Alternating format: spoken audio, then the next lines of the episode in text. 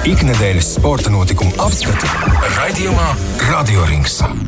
Radio rings ir gaisā, Rihards mikrofons ir tavā rīcībā. Ui, čau, Ui, Karmen, čau, čau. Karmen. Labs vakars klausītājiem. Ah, Prāt, vētras mēnesis, vai ne? Tagad ir, Jā, ir, jā, ir jā, iestājies jā. visā valstī.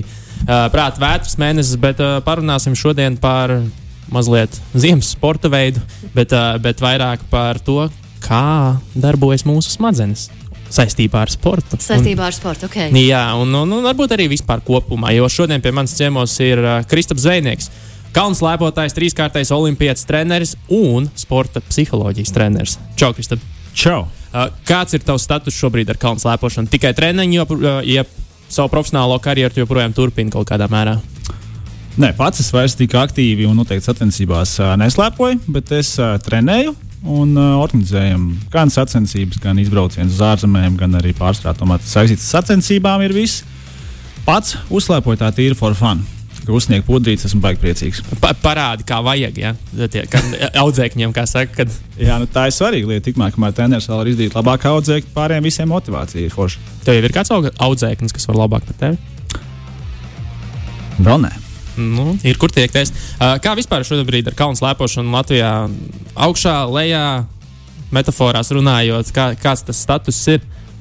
Kalnu slēpošana vienmēr ir augšā lejā. Tiec lejā un tad brauc pacēlē augšā. Bet, uh, Jauniešiem interesē. jauniešiem interesē. Uh, tikmēr, kamēr ziema ir forša Latvijā un uh, ir normāli sasniedzis sniegs, tikmēr viss ir forši. Um, bet es teiktu, tāda nosacīta būtu paudžu maiņa tādā kopējā kalnu slēpošanā Latvijā tieši.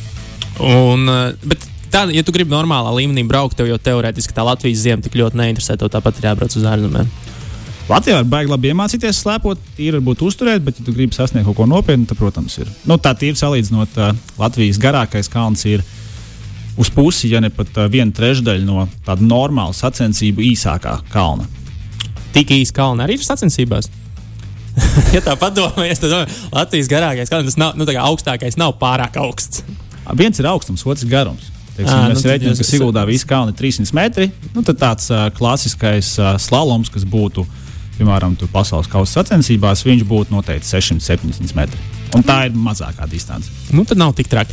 Uh, bet uh, neliel, neliels fakts atkāpējas tā, nu, par ziemu, ziemu un, un, un laikapstākļiem. Aizdomājos, šodien redzēju tādu terminu internetā, ko sauc par angļuiski The Earth Overshoot Day.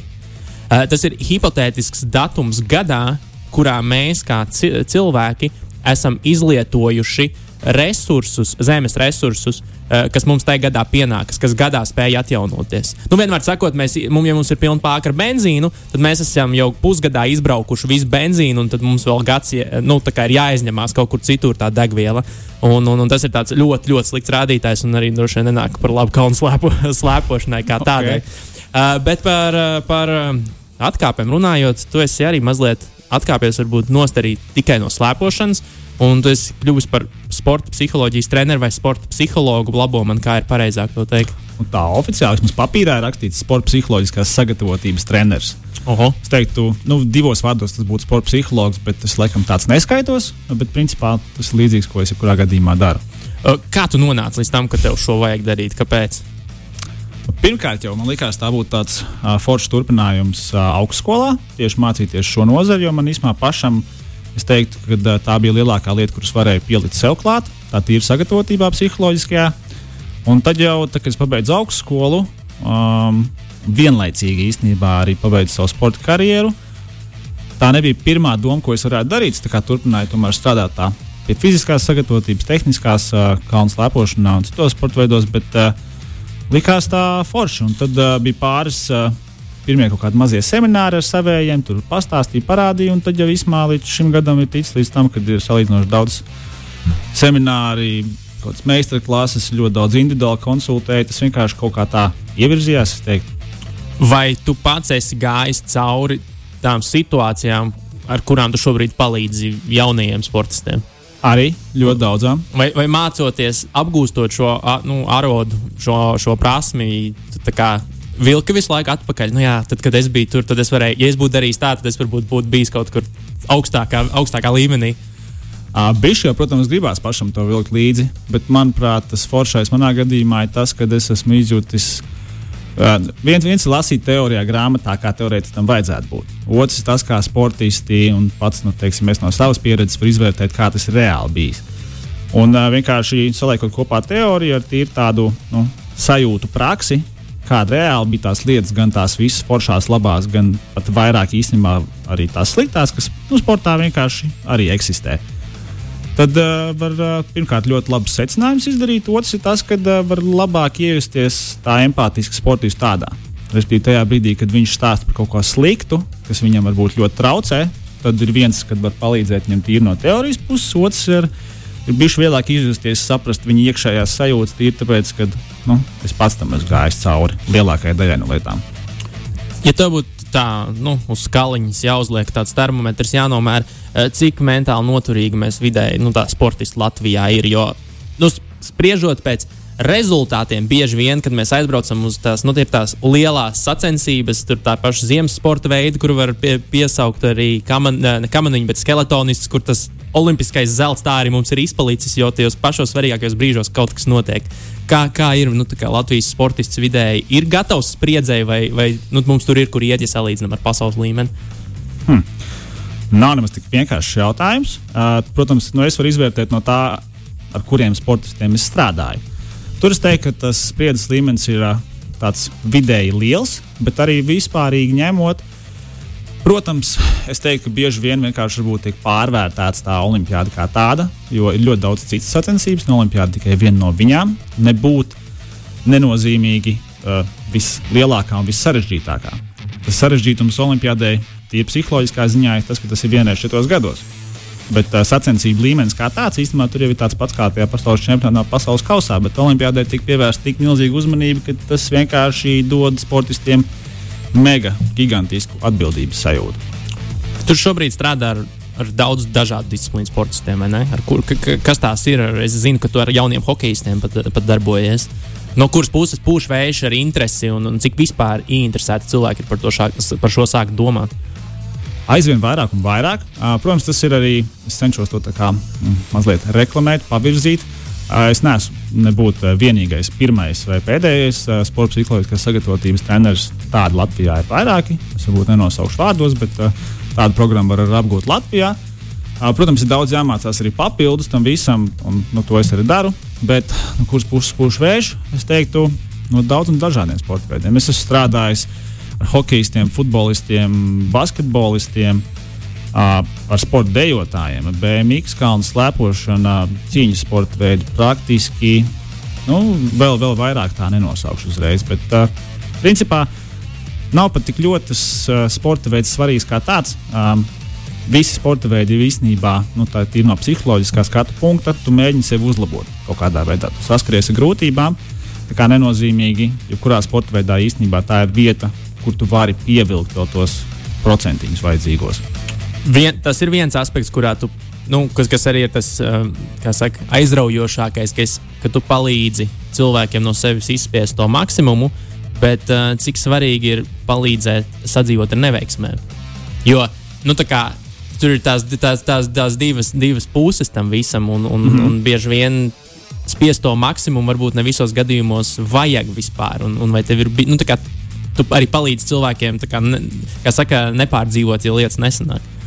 Protams, nu, jebkurā gadījumā sporta psiholoģija kā tāda, uh, viņa principā ir zinātne, kas vienkāršiem vārdiem sakot, pēt trīs lietas. Ko sportists izjūt, kāpēc viņš to izjūt un kā tās visas izjūtas, tā teikt, uh, optimizēt. Um, pārsvarā jau tas viss notiek un par un ap uh, vārdu, ko visi ļoti labi pazīst, stress. Jo tā ir īstenībā visbūtiskākā lieta, bet uh, svarīgi saprast, ka stresu nebūtu nevien, vienmēr vajag vienkārši izslēgt. Viņu vienkārši vajag iemācīties dabūt pareizā tā komfortablā līmenī, lai sportists to varētu pārdzīvot. Un, jā, protams, mēs strādājam un darbojamies ar jebko, gan pozitīvo lietu, kaut kā veidu, kā tu vari paņemt to labāk un kā, nu, nepārdzīvot, bet paņemt labāk, kā labāku pieredzi. Protams, negatīvām lietām daudz tiek strādāts, tāpēc ka tās nu, negatīvās lietas daudz vairāk iesēžās mūsos, jo mēs to saprotam un saņemam caur tādu daudz spilgtāku pieredzi. Un tieši tāpēc tās ir tādas būtiskas lietas, ko risināt. Bet pārsvarā es teiktu, pie maniem uh, nāk sportisti, lai iemācītos uh, daudz dažādas tehnikas, metodes, caur kurām un ar kur palīdzību mēs varam vienkārši attīstīt savu potenciālu vēl vairāk, pievilkt tos pēdējos plusiņus klātam visam. Mentālā veselība, psiholoģija, tas viss sportā. Nav tāda stigma joprojām mūsu, mūsu platuma grādos. Jo arī paskatoties uz pasaules piemēriem, tagad ar vien plašāk, nu, liekas, mēs jau tik daudz gadus esam nodzīvojuši, un tam tā vajadzētu būt normāli, bet ar vien biežāk Jā, nu tas jau, nē, bet drīzāk joprojām tās ir ziņas, kad kāds sportists izvēlas runāt par to, kas notiek mūsu galvās, ne tikai cik mūsu mm. muskuļi spēcīgi. Kā ir, kā ir Latvijā? Nu, tev neuzskata par vudu mākslinieku mazliet. Nē, es tā dzirdēju. Nē, šīs lietas, principā, ārzemēs jau Amerikā ir diezgan pasena lieta. Es teiktu, Latvijā par to runā aizvien vairāk, bet tā salīdzinoši lēna un kūtri. Bet ārzemēs tā ir pilnīgi normāla lieta. Jo es pilnībā ticu, esmu saskaries. Un, Tā arī grāmatās ir ļoti daudz rakstīts, un nu, pieredzē redzams, ka nu, paņemsim divus vienlīdzīgus sportistus, vienādi sagatavotus, tehniski, fiziski. Pārsvarā uzvarēs, pārsvarā uzvarēs tas, kurš vairāk tic, ka viņš to vispār var izdarīt. Tad, principā, tas viss uh, gan sākas ar beidzas un beidzas uh, galvā, jebkurā gadījumā arī pastoties to, kā veidojās kustība kā tāda, kustība sākas galvā. Jebkurā gadījumā ar domu, ka mēs kaut ko gribam veikt, un tādu vienkārši, lai mēs šīs domas varētu pārvērst veiksmīgākās, tādās mazliet līdzsvarotākās, precīzākās kustībās, mums vajag iemācīties, kā to sistēmu attīstīt un lai viņi varētu izmantot vienmēr, neatkarīgi no ārējiem apstākļiem. Un tas tāds varbūt sarežģītais veids, kā to pateikt. Uh, bet jā, um, tas ir uh, viss uh, nu, diezgan svarīgi, to var panākt salīdzinoši daudz. Cik agri par šo ir svarīgi sākt domāt, ja tu esi nu, izvēlējies sporta karjeru? Hmm. Un kurā brīdī jau tu esi neglāb, neglābjami iestrēdzis kaut kādās savos nu, mehānismos, ko tu nu, tā īsti vairs neizlabos? Jā, tieši precīzi ar pasaku ir kaut kāda mehānisma, kas mums tā kā iesēžās mūsos, un viņas grūti labot. Kā, protams, ir par šo svarīgi sākt runāt un domāt pietiekoši agri, bet nu, es savā pieredzē un tā tīri arī pēc sajūtām pārsvarā teiktu, ka tīri no sportistu puses to būtu jēga darīt sākot no 10, 11, 12 gadiem. Vienkārši tīri saprast un uh, izzināt to visu pasauli, ko var piedāvāt tā sporta psiholoģiskā sagatavotība. Tīri varbūt tāpēc, ka tas ir tas vecuma posms, kad sportists pats sāk vairāk saprast, kāpēc viņš to dara. Būs lielāka motivācija vienkārši saprast arī dziļāk sevi. Bet ko mēs varam darīt vēl agrāk, tur īstenībā būtu nu, arī darbs vecākiem ļoti daudz. Cik bieži tev jābūt tādai kā uzticības personai, iespējams, no bērna puses? Nu, man tētis lika, ja es neiesitīšu golu, būs slikti. Un, tā kā, pie, nu, tā kā palīdzi man kaut kā, man ir nenormāls stress. Jā, es arī bieži taisu tieši seminārus vecākiem. Es esmu viņus nosaucis kā audzināt veiksmīgu un laimīgu sportistu. Jo pamatā, protams, uh, tā lielākā lieta, kas notiek bērnam bērnībā, ir tas, ka viņš nu, ļoti daudz laika pavada ar vecākiem. Ir arī konkrēts vecuma posms, līdz kuram kā, viņš tomēr klausās tikai vecāku viedokli, un pēc tam tikai sāk klausīties treneri. Tā kā tos pamatus, jebkurā gadījumā, tādā tīri emocionālā līmenī, sajūta līmenī, to, kā ko darīt, kā pārvarēt grūtības, kā varbūt arī saskarties ar kādiem izaicinājumiem, ieliek vecāki. Tā kā tur arī būtu īstenībā vecākiem daudz lietas, ko aizdomāties par to, ar kādām metodēm, kādiem paņēmieniem audzināt nu, sportisko bērnu. Un pēc tam, protams, jau tādā apzinātākā vecuma līmenī tas jau ir bērniem. Vecāks ir viegli izmācīt par šādu, nu, zinu, kā tur, tur es varu iztēloties, tur ir pretīgi nemācīt. Man bērnu audzināt. tā, nu, es varu tīri tā no pieredzes teikt, nu, semināros ir vecāki, kas ļoti daudz klausās, var redzēt, ka viņiem pilnīgi tāds klikšķis kaut kādā brīdī ir un viņi aizdomājās un kā, varbūt paņem kaut kādas lietas. Bet ir bijuši arī semināri, kur ir uh, vecāki, kuriem, ok, nu, piemēram, man bija uh, seminārs hokeja. Un hokejs, manuprāt, arī tāds sporta veids, kur uh, ļoti bieži vecāki nu, emocionāli jūt līdzi un, un, jūt un līdzi. atrodas tikpat laukumā, cik paši bērni. Tieši tā. Un, uh, man bija konkrēts gadījums, kad uh, nesaukšu vārdos, uzvārdos. Tas pat nav tik svarīgi, bet vienkārši situācija kā tāda. Uzaicināja aicināt uh, uzaicināja vadīt semināru vecākiem. Un bija viens vecāks, kas nosēdēja visu semināru telefonā. Un pēc tam mēs runājām ar to treneru galveno. Viņš arī teica, ka viņš īstenībā uzaicināja tieši dēļ tā vecāka. Un viņam šī informācija bija vajadzīga visvairāk, bet zinot jau viņu, viņš visu zina, viņš visu māca, un tā kā viņš darīs, tā arī darīs. Protams, vecāki ir, nu, ir vienkārši lieli cilvēki, kas jau ir paņēmuši visu to informāciju, viņi jau ir tik ļoti iesakņojušies, ka ir grūti pārmācīt. Tā kā vecākam vajag būt vienkārši atvērtu prātu un labāk tās lietas apzināties laicīgi, jo nu, tās arī ir lietas, ko mēs varam pamainīt tādā audzināšanā un vienkārši pielikt tos pulsiņus bērnam jau bērnībā. Un kā ir ar treneriem? Kā, kā ir treneru pusē arī sākt mazliet, mazliet apgūt to visu. Jo es pats kādreiz esmu ar sportu nodarbojies un arī gājis cauri dažādiem treneriem. Mm -hmm. un, un tu, nu, diemžēl, bet ir jūtams vēl arī arhaiskās trenēšanas metodas un, un viss pārējais. Un kā, kā treneru korpusā notiek šis viss? Es teiktu, ļoti atkarīgs no paša trenera kā cilvēka. Ir treneri, nu, tādi, kas principā ir gatavi uzņemt jaunu informāciju, kas treneriem jebkurā gadījumā ir svarīgi. Tie ir gatavi kaut kādām jaunām zināšanām, jaunu metožu izmēģināšanai, un ar tiem visi forši. Protams, vienmēr ir kaut kāda, kā tu saki, arhīskie treneri, un viņi zina, padomu laikā mēs darījām tā, Nu jā. un tā ir īstā stēle. Um, bet uh, pārsvarā es teiktu, treneriem problēma nav. Viņi ir gatavi uzklausīt, viņi ir gatavi saņemt kaut kādus padomus, un līdz šim nav bijušas beigās problēmas. Kā vispār, kur un kā apgūt šo profesiju, ja, tu, nu, ja kāds klausās un vēlās šo virzienu izpētīt? Un varbūt, kur, ja ne lokāli, tad kur pasaulē ir tādas top vietas, kur, kur šo apgūt? Nu, tieši Latvijā ir uh, Sports pedagoģijas akadēmijā programma Sports psiholoģiskās sagatavotības treneris.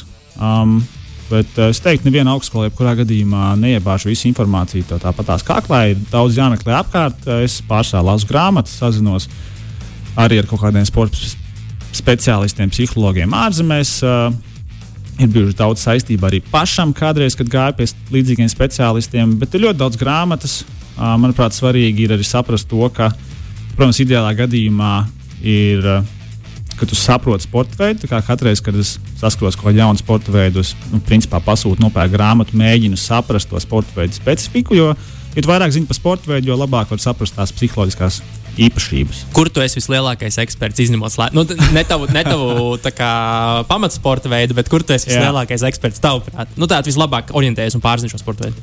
nu, ņemot vērā pēc semināra daudzuma un tīri tās uh, savstarpējās komunikācijas ar treneriem, vecākiem sportistiem, es teiktu, nu jau varētu būt tā kā visvairāk varētu vilkt uz BMX. Vienā brīdī bija sporta dejošana, kas man bija diezgan maz saprotama, bet, tā, kad iziet pāri vairākām tikšanās reizēm, aizbrauc uz nometni un teiksim, ir tādā konstantā sarunā par to, tad īsumā izprotot to sporta veidu. Nu, arī ļoti interesants lietas var atklāt, nu, kādas metodas kā pielietojot, var dabūt to īsto efektu. Un uh, pamazām arī komandas sporta veidi. Tas būtu vairāk kā futbols, hokejs tieši. Jo nu, tur tā ir vairāk tā tendence, ir interese liela tam visam. Un, uh, un tad vienkārši es pats arī vairāk iedziļinos, lai saprastu, kas tieši tajā sporta veidā būtu tā īstā stēle. Kurš ir saspringtākais sporta veids Latvijā? Kur visi tādi visvairāk uzvilkušies un kur lielākie eh, čilotāji? Čilotāji? Hmm. Skateboard. Tas ir labs jautājums. Un tad tiem vēl man nav bijis. Kā saskars, man liekas, viņiem visi čilā. Uh, hmm. Šis ir baigi labs jautājums, par šo būs jāpadomā. Ir baigi atkarīgs no sportista īstenībā. Arī tajos uzvilktajos sporta veidos, kas pārsvarā būtu tie kontakta sporta veidi, nu, kuri tiešām Nu, tev ir arī reāls bailes. Nu, tā kā, Reāls bailes. Nu, teiksim, kalnu slēpošana pats par sevi arī ir ekstrēms sports veids. Tur tā visbiežākā lieta varētu būt arī tās bailes īstenībā. Teiksim, arī ļoti daudz sportisti hokeja saskarās ar tām bailēm, ka viņi negrib iegrūst, nu, tikt iegrūst bortā. Tur atkal tas ir jāpārvar. Bet baigi atkarīgs no sportista īstenībā. Var arī čilīgajos sporta veidos tāpatās atrast sportistus, kuri nāk un viņiem ir kaut kādas izteiktas baļas sajūtas, kaut kādas nepārliecinātības sajūtas. Viss pēc kārtas īstenībā. Bet, nu, tad, tā, rezumējot uz mūžīgās dilemmas, uh, kā saka, atbild uz mūžīgo dilemmu, ka vai tu vari būt, piemēram, sporta treneris, nekad nespēlējot šo sporta veidu, vai tu vari būt sporta psiholoģiskās sagatavotības treneris, nekad nesot pats sportists bijis, tavuprāt. Es teiktu, ka var.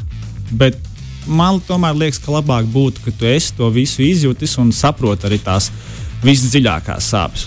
Ļoti daudz sportistu nāk ar milzīgiem pārdzīvojumiem, tā tīri nu, par kaut kādiem rezultātiem, kas nav sanākuši, par, nu, kuri ir palikuši ļoti spēcīgi atmiņā, vai arī ir bijuši sportisti, kas vienkārši pabeiguši sporta karjeru un nezinu, ko tālāk darīt. Kas arī ir viena Tu ļoti saskaries bieži ar tādiem gadījumiem? Nu, ar... Vispār jā, aizvien vairāk. Tādi sportisti, kuri ir tās izvēles priekšā, un viņi nevar saprast, kas būs pēc tā. Es teiktu, tā var būt paļ- padziļinātāka, lielāka problēma, kur varbūt būtu jārisina vēl plašākā līmenī. Izglītības sistēmā sāk, pašā sākumā jau ir. Izglītības sistēmā tīri varbūt uh, federāciju līmenī, varbūt no kaut kur nezinu, valdības puses vai nu, no kaut kādām augstākām institūcijām, jo tajā brīdī, kad sportists pabeidz šīs gaitas, atnāk un stāsta visas tās emocijas. Man īstenībā tas ļoti skaidrs, jo mans uh, sporta pabeigšanas brīdis īstenībā bija ļoti uh, sūdīgs iekšēji. Es vienkārši zināju, nu, ko un kā darīt. Tas ir ilgstošs process. Un, ja sportists nezina īsti, kā to visu darīt un kā savas emocijas salikt, tas ir tāds milzīgs lūzienu brīdis īstenībā. Tu esi kādu kādreiz atrunājis no karjeras beigšanas? Nu, kad, kad pie tevis atnāk gadījums, viss, es, es vairs negribu šīs hokeja nūju, man es negribu viņu redzēt, un man viss ir riebis un, un, un palicis tā salikts pa plauktiem, ka piesēdi pie, padomā un, un, un, un varbūt tā brēka nav tik liela. Nu, nu, tā var būt, ka atrunājis, nē, bet uh, nu, atradis uh, to veidu, kā pašam tam cilvēkam rast papildus tālāko motivāciju. Tas laikam būtu tas vairāk. Um, jo nu, tādu gadījumu ir daudz bijuši, kad uh, nāk un teiksim, ir tā, tā izvēle, vai to viena sezona vēl maukt, un ko viņā vispār darīt un kā domāt viņā. Nu, teiksim, tur ir tas svarīgais jautājums. Jo, um, nu, es arī pats zinu, kā ir teiksim, tajos brīžos, kad tu nezini īsti, kā būs tām nākošajām sezonām. Uh, bet ir protams, bijuši gadījumi, kad nāk sportisti. Viens, divi, trīs gadījumi varbūt, kad uh, nu, kad ir tā izvēles priekšā un nevar saprast, vai turpināt to sportu vai neturpināt. Un tad kā kaut kā kopējā ar sarunām īstenībā, man pēc laika viņš ir atrakstījis, ka jā, tā, tā viņa izvēle īstenībā varbūt neturpināt, tomēr viņam bija labāk. Jo nu, pamatā jau īstenībā tas ir darbs ar cilvēku un saprast, nu, ko viņam vispār darīt. Bet tur ir ļoti daudz un dažādu gadījumu, ko tur var izsākt. Nu, labi, noslēdzošie vārdi. Tev ir kādi pārsvārdi Latvijas sportistiem? ko, tu, ko tu no sevis iedotu? Nestresojiet, pasmaidi. Veco labo, esi pozitīvs, domā labas domas. Ne, nu, pamatā jau vismā, manuprāt, ir ļoti svarīgi. Vispār ļoti svarīgi saprast to, ka uh, sportā nu, tādu izcilību un augstu rezultātu īstenībā sasniedz vienā pētījumā, es lasīju 2%. Tāda pamatā ir uh, forši saprast, ka uh, sporta primārā funkcija īstenībā attīstīt un nodrošināt cilvēkam normālu, veselīgu dzīvi, un ka viņš caur sporta pieredzi iemācās ļoti daudz ko. Nu, foršas lietas, kuras pēc tam var izmantot arī nu, nākotnē. Jo jau kā cilvēks eksistē arī pēc sporta, un varbūt daudziem īstenībā tas ir svarīgākais dzīves posms. Tā kā pamatā īstenībā sporta uztvert kā pieredzi, um, visas negatīvās lietas, ar kurām mēs saskaramies sportā, tā ir pilnīgi normāla lieta. Tā kā to vienkārši vajag iemācīties arī saprast, kā to neatkārtot un uh, vienmēr atcerēties un izbaudīt pozitīvās lietas. Paldies! Kristaps Zvaigznes, dāmas un kungi! Paldies, ka atnācāt papļāpāt! Lai veids! Bija baigi forši! Čau! Paldies jums par sarunu! Rihards, tev vēl ir uh, brīvais mikrofons brīvais mikrofons. Tu negribēji to dziesmu uzlikt. Jā, kā... Nē, nu man vairs nesanāk. Tev Kādēļ nesanāk, tev nesanāk? Nu, labi, labi, labi, Tev ir jāizstāsta, kas šodien vēl ir aktuāls. Uh, šodien Eiropas, starp citu, futbolā uh, turpinās otrā atbildes spēles uh, mūsu, mūsu klubiem. Tur Rīga FC izskatās, ka viss būs kārtībā. Mājās ir spēle, uz spēles mājās ir iekrāts trīs vārtu pārsvars. Pār Slovākijas šķiet, ka viņi bija čempioni. Un, un, un, un, un, un tur viss būs visticamāk kārtībā, bet Valmērā ir liepāju priekšā. Vai tu vari basketbolu neko neteiksi? Jā, Kristaps Porziņš, protams, spēlēs augustā. Visa Latvija par to ir starā. Man vēl ir informācija, ka vēl pāris ļoti, ļoti interesants ar basketbolu saistītas lietas varētu notikt. Bet, Bet tu tos, vēl nevari stāstīt, jo tas vēl nav apstiprināts. Jā, jā, varētu tā būt. Jā, es tiku konsultēts kā, Oh. par, par, par šīm lietām, bet uh, būs interesanti. Jā, nu, katrā ziņā arēna, arēna ir izpārdota. Uh, un Visi būsim kā basketbola burbulī. Izpārdošana notika tajā brīdī, kad uh, nāca paziņojums. Nu, viņa notika ļoti ātri. Viņa pātrinājās. Viņa tā kā pamazām notika, bet tad, kad, eh, tad, kad notika šis paziņojums, tad viņa tā eksponenciāli pieauga. Un, un, un šodien arī vēl liela ziņa autosporta faniem, jo četrkārtais pasaules čempions Sebastians Fetels noslēgs savu karjeru. Viņš ir izveidojis. Nu, viņš ir vecs. Nu, viņš, nu, viņš ir vecs, viņš jau vairs netur, netur līdzi jaunajiem tik labi, bet viņš ir arī saprot tieši tas, par ko mēs šeit runājām. Kā ārpus sporta viņam ir dzīve, viņam ir sieva, viņam ir bērni, viņam ir intereses. Ir laiks tādā- pievērsties savām interesēm. Jā, hobijiem. jā, jā, jā, un viņš teica, ka viņš Instagram, uh, Instagram kontu uztaisīs tad, kad beigs karjeru. Gaidām. Un, un tad šonakt tapa Instagram, Ir nu, tā kā tapa Instagram konts un visiem ir skaidrs, kas notiks. Un tur ir tāds emocionāls paziņojums. Paldies, paldies, tev, Rihard, par šo informāciju. Paldies jums par sarunu un līdz nākamajai nedēļai, līdz nākamajam radioringam. Ā, tā. Radio Rings.